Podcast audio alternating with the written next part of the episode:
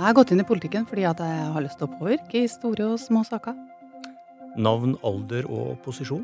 Marit Arnstad, jeg er 55 år og jeg er stortingsrepresentant og parlamentarisk leder for Senterpartiet. Drømmejobb? Ja, det er gartner. Jeg kan godt tenke meg å være rosegartner. Hvilken politisk motstander har du størst respekt for? Jeg har veldig stor respekt for Marit Nybakk. Eh, Jeg syns at hun har eh, vært trofast mot arbeidet i Stortinget, og hun har gjort en veldig god jobb. Både for eh, valgdistriktet sitt Oslo, så har hun vært en skikkelig Oslo-forkjemper. Begynt med industrien sant, og spikerverket, eh, og har også vært flink til å eh, varme og på en måte dyrke respekten for det arbeidet som foregår i Stortinget. eh, I alle grupper og fra alle representanter. Verste medietabba? Ja, jeg har gjort både mindre og større medietabber. Men jeg har jo kanskje Da tar vi en stor en. Nei, jeg har ikke noen sånn enkeltvis stor som jeg har lyst til å peke på. Men det er sikkert mange som legger ut der. sikkert mange. Ja. Du, en av de andre som blir intervjuet i denne, i denne serien vår, svarte Marit Arnstad på spørsmål om hvem de har størst respekt for. Ja, det syns jeg er veldig hyggelig, men også litt uh, rart, egentlig. Det- Hvorfor tror du de svarte det, da? Nei, det er vanskelig å begynne å vurdere hvorfor andre folk svarer det. Det er det, altså. Så det, er, det syns jeg synes det er nesten litt sånn eh, Jeg er Det blir litt sånn Nesten litt pinlig å skulle begynne å, å, å svare på det, men det er veldig hyggelig sagt. Husker du at du gjorde ca. samme intervju, et sommerportrett på radioen, før valget i 2001? Nei, jeg kan faktisk ikke huske at jeg gjorde det. Men da var jeg jo på vei inn igjen i politikken, for da hadde jeg jo vært ute et par år. Eh, sånn at eh, Ja, det kan godt hende at jeg var med på det, og det men det er jo jammen meg snart 20 år siden, vet du. Vi har da et portrett vi kan måle mot, så dette har jo Mm. preg av seriøs følgeforskning. Såpass? Har du forandret deg, tror du? Ja, det tror jeg.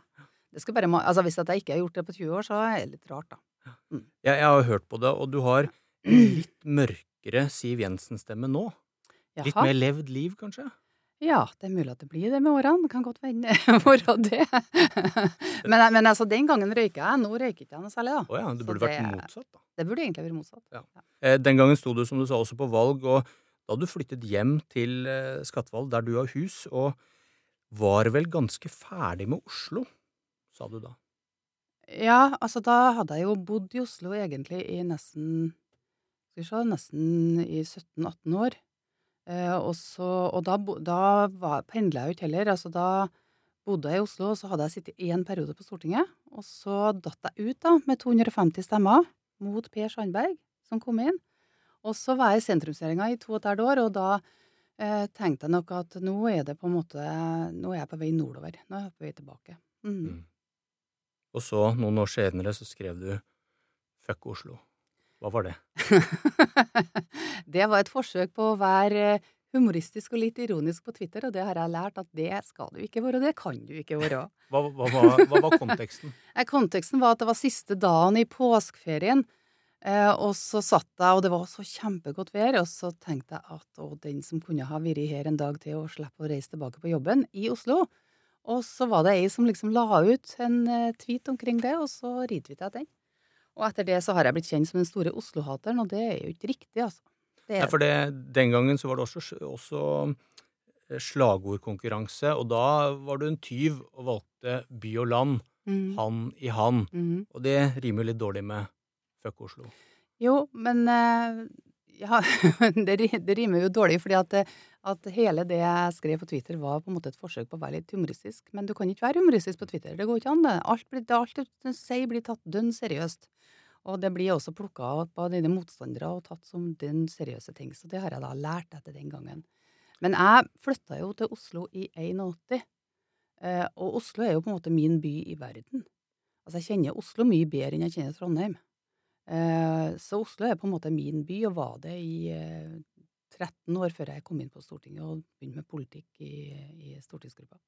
Men by mot land, onde tunger vil vel si at det er suksessoppskriften bak Senterpartiets voldsomme vekst på målingene som vi har sett nå. At Oslo er et slags offer i kampen om troverdighet på bygda. Hvis de sier det, så syns jeg de gir et veldig fortegna bilde av Senterpartiet. Eh, hvis de sier det, så gir de også et veldig grunt bilde av den, det som nå foregår utover i Norge, og de reaksjonene du ser på den sentraliseringspolitikken som føres.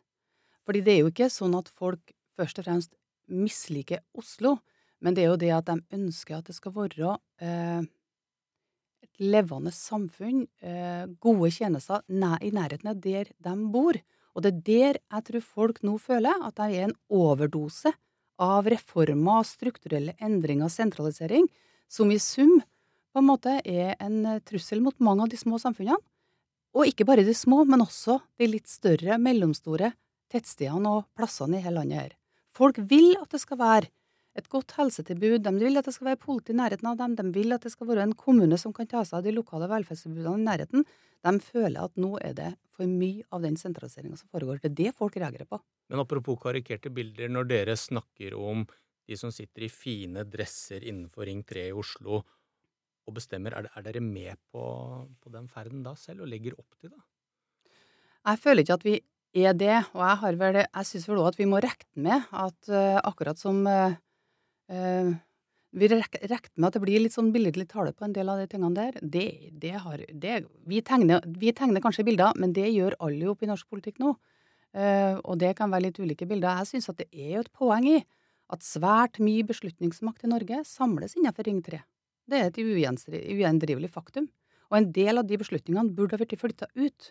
Og den debatten burde vi heller ha tatt denne stortingsperioden, i stedet for å ta debatten om hvor mange flere tjenester som faktisk skal sentraliseres og samordnes i større enheter enn det vi har sett så langt. Når det gjelder denne følgeforskninga vår da, for, for 16 år siden, så sa du at det er en tendens til at hvis ting skal være bra, så må det være stort. Den tenkninga irriterer meg fryktelig. Ja, så da. Du har ikke forandra deg så mye der? Der har ikke jeg forandra meg så veldig mye. Fordi det er på en måte et problem at det er en sånn veldig enkel, og det vil jeg si også en fortegna løsning, å tro at bare fordi du endrer en struktur, slår sammen og gjør enheten større, så har du gjort en tjeneste bedre. Det er den enkle måten å prøve å vise handlekraft på, men det er jo ikke der mange av løsningene og de måte, eh, svarene på hvordan du finner bedre kvalitet, en bedre utvikling innenfor enkelte områder finnes. Det er bare det enkle svaret som kanskje viser at en statsråd er handlekraftig, men eh, som blir ofte eh, veldig uheldig for dem som blir føler seg ramma av det, og som også er et for enkelt svar Men, på veldig mange av utfordringene. Tror du ikke på at Erna Solberg er opptatt av et bedre barnevern når hun mener at noen kommuner kan være for små? For det er det hun sier når hun skal forsvare kommunereformen. Sorry, men jeg tror at Erna Solberg bruker, skyver barnevernet foran seg, bruker det som et argument for å prøve å få til diskusjon om større kommuner. Hvis vi virkelig skulle ta debatten om barnevernet på alvor, så kunne vi selvsagt ha tatt en debatt om hvordan du skal organisere barnevernet i årene framover. Det er også en debatt der Senterpartiet kan ha meninger, men hun skyver det bare foran seg i en sånn samla debatt for å få større kommuner. Det er en ganske, ganske grov påstand jeg, å si at du, du, vet noe om hva, hun, hva hennes motiver er. Jeg mener at hun gjør det. Så, for, så kan selvsagt hun tilbakevise det hvis hun ønsker det, men jeg mener at Høyre har gjort det i denne saken her.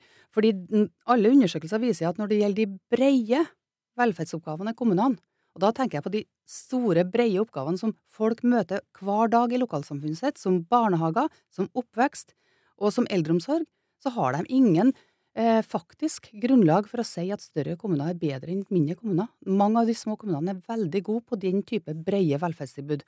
Og så får vi da, og det er dem som teller i hverdagen til folk. Og så får vi ta en diskusjon da, om de mer spesialiserte tjenestene, hvordan de bør organiseres best mulig i årene framover. Den debatten bør vi ta uavhengig av spørsmålet om kommunesammenslåing. Men det er et like gyldig argument fra andre siden, siden da, å si at uh, Marit Arnstad hun velger lokalt selvstyre foran et bedre barnevern. Det er det du gjør. Du, du velger den lokale selvbestemmelsen foran noe som er best for barna. Nei, jeg sier at det ikke er barnevern. Barnevernet i seg sjøl som skal avgjøre kommunestrukturen i Norge. Jeg sier at barnevernsorganisering, den debatten bør vi ta, og den bør vi ta løpende. Det som avgjør kommunestrukturen i Norge, det er hvordan kommunene løser de brede velferdsoppgavene. Og det jeg sier, er at på de områdene så finnes det ikke noe bevis for at store kommuner er bedre enn små kommuner. Men syns du det er greit hvis noen sier at vi tror ikke på, du er ikke opptatt av barna? For det blir ja, men det, det samme sier, som når, når det du... sier de jo, hele tida. Altså, ja, er, I debatter i Stortinget. Er det et legitimt argument, gitt at du sier at du altså, tror ikke på Erna, at Erna er opptatt av barna? Hun skyver de foran seg. Ja, jeg mener at Høyre bruker det i kommunesammenslåingsdebatten. Men finnes det ikke noen sånne dilemmaer der, der hver enkelts valg ikke fører til det beste resultatet for alle? At noen ganger så må, må en kommune, et distrikt, bli overkjørt fordi en viktigere, større sak krever det? Jo, den type dilemma tror jeg dere at du godt du kan eh, komme opp i, men jeg mener at organisering av en tjeneste som barnevern, det bør faktisk diskuteres for seg, ikke inn i diskusjonen om strukturen på norske kommuner. Hvordan startet du med politikk? Mm. Ja, jeg starta vel eh, egentlig eh, når jeg var sent til Norran, i Senterungdommen, da, som mange starter i. hvilken sak var det da som uh, fikk hjertet til å brenne? Da var det oljeboring nord for 62. breddegrad. og den, det har vi for lengst begynt med. Det har vi for lengst begynt med, ja. og du har vært oljeminister siden den gang. Ja. ja. Men det var, det var en sånn sak. Og så var jeg litt opptatt av Alta-saken, for den var veldig aktuell da, på 79, 80 og 81. Så det var også en sak som jeg var opptatt av. Og så har du vært statsråd, eh, stortingsrepresentant, eh, og med din CV så kunne du, du kunne ledet et stort selskap, du kunne, du kunne vært gartner, men du kunne gjort mye annet enn å henge i, i Oslo og være politiker. Hva er det som har gjort at du har holdt fast ved, ved det valget? Ja. Jeg har jo prøvd en periode utafor. Eh, og det var òg viktig for meg å være i et vanlig arbeidsliv og få tatt advokatbevillinga mi og få prøvd meg i eh, faget mitt. Så de årene utenfor, de åtte årene jeg var utafor Stortinget, syns jeg òg var veldig verdifull. Veldig viktig.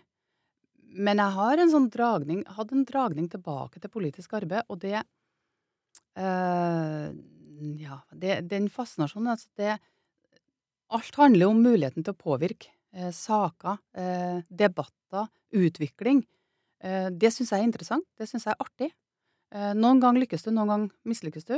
Men det er også en eh, Det å være stortingsrepresentant er jo også en mulighet til å pendle imellom en tilværelse i Trøndelag, der jeg bor, og ned hit til Stortinget. Det er mye frihet i rollen som politiker. Samtidig så er det også en rolle som krever at du samarbeider ganske tett innad i ditt eget parti, din egen stortingsgruppe, og at du klarer å forholde deg til andre parti på en fornuftig måte. Alt dette syns jeg er veldig tiltalende sider ved det politiske arbeids... Altså håndverket, da, eller, eller arbeidsverktøyet som vi har. Og hva er det med Arnstad-slekta? Ja, Vi har har fått en, eh, en Ja. ung Arnstad nå som leder i Senterungdommen. Mm. Du har en søster. Ja. Er Er Nei, det altså, tilfeldig? Ja, men så det er sånn at no, I min familie så er det noen som blir veldig politisk aktiv, og så er det noen som ikke blir politisk aktiv. Eh, så Søstera mi og jeg har vært og er veldig politisk aktiv. Niesa mi er det. Faren min var ikke politisk aktiv overhodet. Eh, sønnen min og nevene mine er ikke så veldig politisk aktiv. Men det som kanskje gjør at det lettere blir politisk aktiv, er at politisk debatt blir liksom en hver, del av hverdagen din. da, Rundt middagsbordet eller på ettermiddagene, eller når du sitter samla noen plass og diskuteres til politikk. Mm. Eh, og det er liksom en sånn familiær greie, at eh, ikke et selskap hos oss uten at du kommer opp i en eller annen politisk diskusjon. Og så er det det med å være politiker og være på TV og skulle slå motstanderne i hodet med argumenter og annet. I, i denne, dette intervjuet i 2001 da, så snakker du også om dette her, om det å skulle passe inn i TV-formatene. Mm. Og da snakket du om at du var sjenert. Mm. Er du det 16 år etter? Ja, jeg er fortsatt litt uh, Når du Tror blir du, fem... folk, tror du folk som møter deg, vil kalle, si at ja, det der var en sjenert dame? Ja, de vil kanskje si at jeg er litt reservert, da. Altså, det er mulig at når du er yngre, så er du sjenert, og når du blir eldre, så er du litt mer reservert. Eh, Jeg er nok litt sånn reservert. Jeg, er- jeg, er- jeg er ikke så veldig tabloid i formen heller. Og så innser jeg jo det at når jeg eh, er i sånn media i TV og radio, så blir jeg vel kanskje oppfatta som litt eh, knapp, og kanskje litt streng. Så er det slagordtid. Jaha. Liker, li, liker du slagord? Nei, jeg liker jo ikke slagord. Så jeg tenkte hvis jeg skal først skal komme med et, så skal jeg være litt humoristisk og spille på litt av eh, fordommene mot oss. Vær så god. Ja, det er da at eh, noen må forholde til Oslo. Jeg tar en for Trøndelaget.